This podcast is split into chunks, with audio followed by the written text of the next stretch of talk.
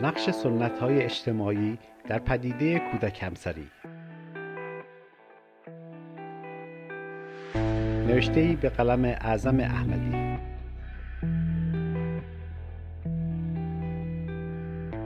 این صدا حسین اشراقی.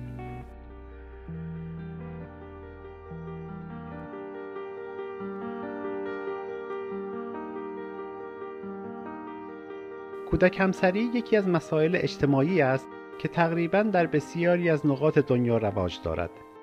در جامعه هر مسئله‌ای که منافع و ارزش‌های جمعی و یا فردی را مورد تهدید قرار دهد به عنوان یک پدیده یا معضل اجتماعی شناخته می شود. ازدواج های زیر 18 سال که طبق کنوانسیون های به کودک همسری تعبیر می شوند می توانند در مقیاس بزرگتر موقعیت فردی و اجتماعی زنان را تهدید کنند. از این رو این موضوع یعنی ازدواج های زیر 18 سال یک موزل اجتماعی است که برای رفع آن بایستی نهادهای دولتی و غیر دولتی تلاش کنند. علاوه بر اینها نباید از نقش و تأثیر رسانه ها در رواج و عدم رواج آن غافل بود.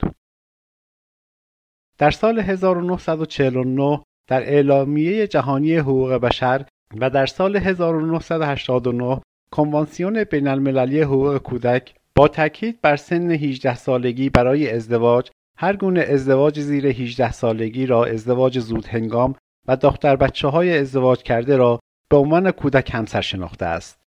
طبق گزارش مرکز آمار ایران در سه ماهه اول سال 1399 7000 دختر 10 تا 14 ساله ازدواج کردند که نشان دهنده عمق این موزل اجتماعی در جامعه ایران است. اگرچه دلایل بسیاری را می توان بر این پدیده ذکر کرد اما در این نوشته کوتاه به نقش سنت های اجتماعی خواهیم پرداخت که راه را برای مقبولیت و پذیرش کودک همسری هموار می سازد. کودکانی که زیر سن 18 سالگی ازدواج می کنند در خصوص اینکه آیا این ازدواج زودرس است یا نه به طور معمول صاحب هیچ نظر و عقیده ای نیستند چرا که فراوانی چنین تجربه در محیط آنها آنها را ناگزیر به پذیرش چنین امری می کند.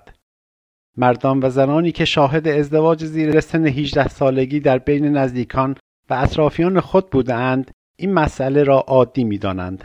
از این رو عدم آگاهی نسبت به ازدواج و مسئولیت‌های آن مانع از انجام چنین کاری نمی شود و تنها به علت فرهنگ و روابط اجتماعی حاکم است که افراد تم به این نوع ازدواج ها می دهند. البته ازدواج برای دختران در چنین محیطی یک امر ضروری و اجتناب ناپذیر نیز تلقی می گردد. از این جهت تصمیم برای ازدواج آنها نیز از سوی پدران و مردان خانواده و زنانی که معمولا واسطه این ازدواج ها هستند و دیده نمی شوند گرفته می شود.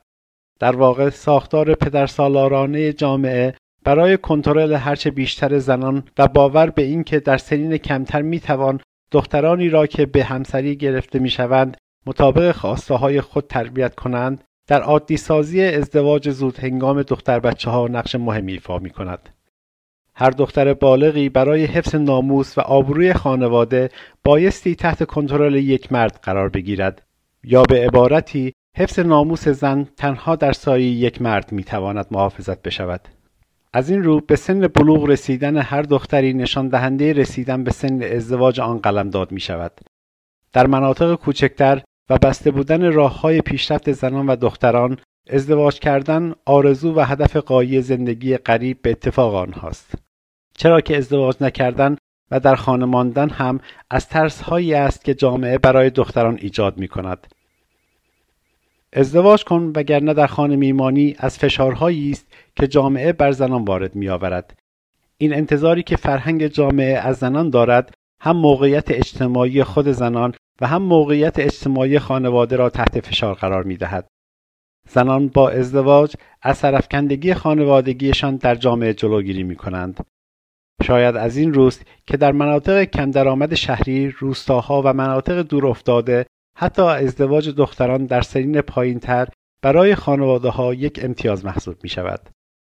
حال در چنین جامعه ای دختران حتی در سنین پایینتر بدون آنکه از عواقب و مسئولیت های تشکیل خانواده آگاه باشند عروس شدن و پوشیدن لباس عروس را عملی مورد تایید جامعه می‌دانند از این رو ازدواج کودکان برای آنها این خوشحالی را در پی دارد که چنین آرزویی برای ایشان تحقق یافته است با عروس شدن و با لباس عروس از خانه پدر درآمدن یک تاییدیه اجتماعی است که دختران احساس می کنند به چنین پرستیژی دست یافتند در حالی که هیچ اطلاعی از روابط جنسی و رابطه‌ای که در انتظار آنهاست ندارند عدم تکامل جسمی و اینکه اطرافیان کودک همسرها ضرورتی به آموزش جنسی آنها هم نمی بینند موجب ترسیدن آنها از رابطه جنسی می گردد.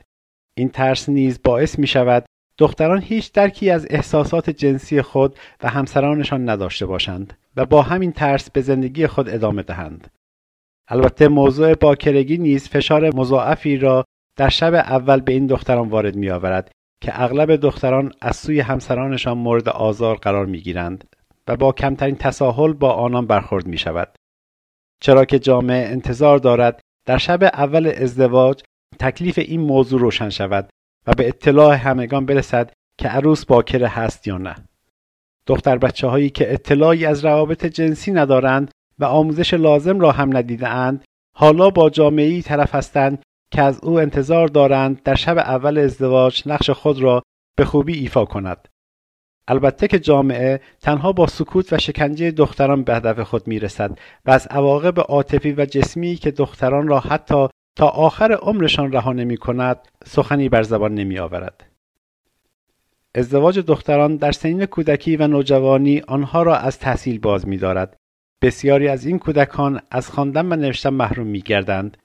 این دختران فرصتهای شغلی را نیز از دست می دهند و برای بسیاری از این دختران وابستگی مالی یکی از عوامل تحمل سختی های زندگیشان است.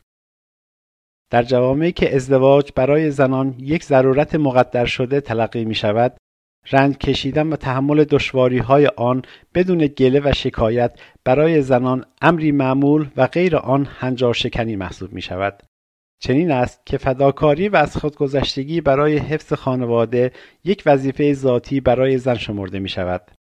از آنجایی که این دختران دائما تحت سلطه پدر و مادران خود بودند بعد از ازدواج نیز تحت سلطه همسر و مردان خانواده همسر خود قرار می گیرند و در ناملایمات زندگی نمی توانند از خود دفاع کنند و حرف خود را بر زبان بیاورند. بار دیگر جامعه از این دختر بچه هایی که از وسط بازی های کودکانهشان به هجله عروسی فرستاده شدند انتظار دارد که به خاطر حفظ کیان خانواده از خود گذشتگی نشان دهند در حالی که خود نیاز به تسکین دهنده و حامی دارند. امروز انتظارات و تعییدیه های فرهنگی جامعه پدرسالار از زن و دختر بچه ها آن را تبدیل به موزل اجتماعی زنان کرده و آنها را با مشکلات عدیده روبرو ساخته است. این پدیده مختص دین، مذهب، فرهنگ و جغرافیای خاصی نیست. فرهنگ جامعه‌ای که با ازدواج دختران در سنین کودکی مشکلی ندارند، عامل اصلی آن قلمداد می شود اگرچه در این یادداشت کوتاه جامعه و های اجتماعی به عنوان مشوق اصلی ازدواجهای زودهنگام دختران تلقی شده است اما در کنار دلایل دیگر در ایران چون دولت خود با پذیرش و قانونی کردن چنین فرهنگی علنا قبح این نوع ازدواجها را از میان برداشته است بخشی از مسئولیت پدیده کودک همسری نیز متوجه نهادهای دولتی است. دولت چنان که سنت های ناموجه بسیاری را از میان برداشته می تواند در این زمینه نیز قوانینی به تصویب برساند که جلوی این عمل شنی گرفته شود. کسانی را که اقدام به چنین کاری می کنند را تنبیه نماید و در نهایت دختران و زنان قربانی را تحت لوای قانون به حمایت خود درآورد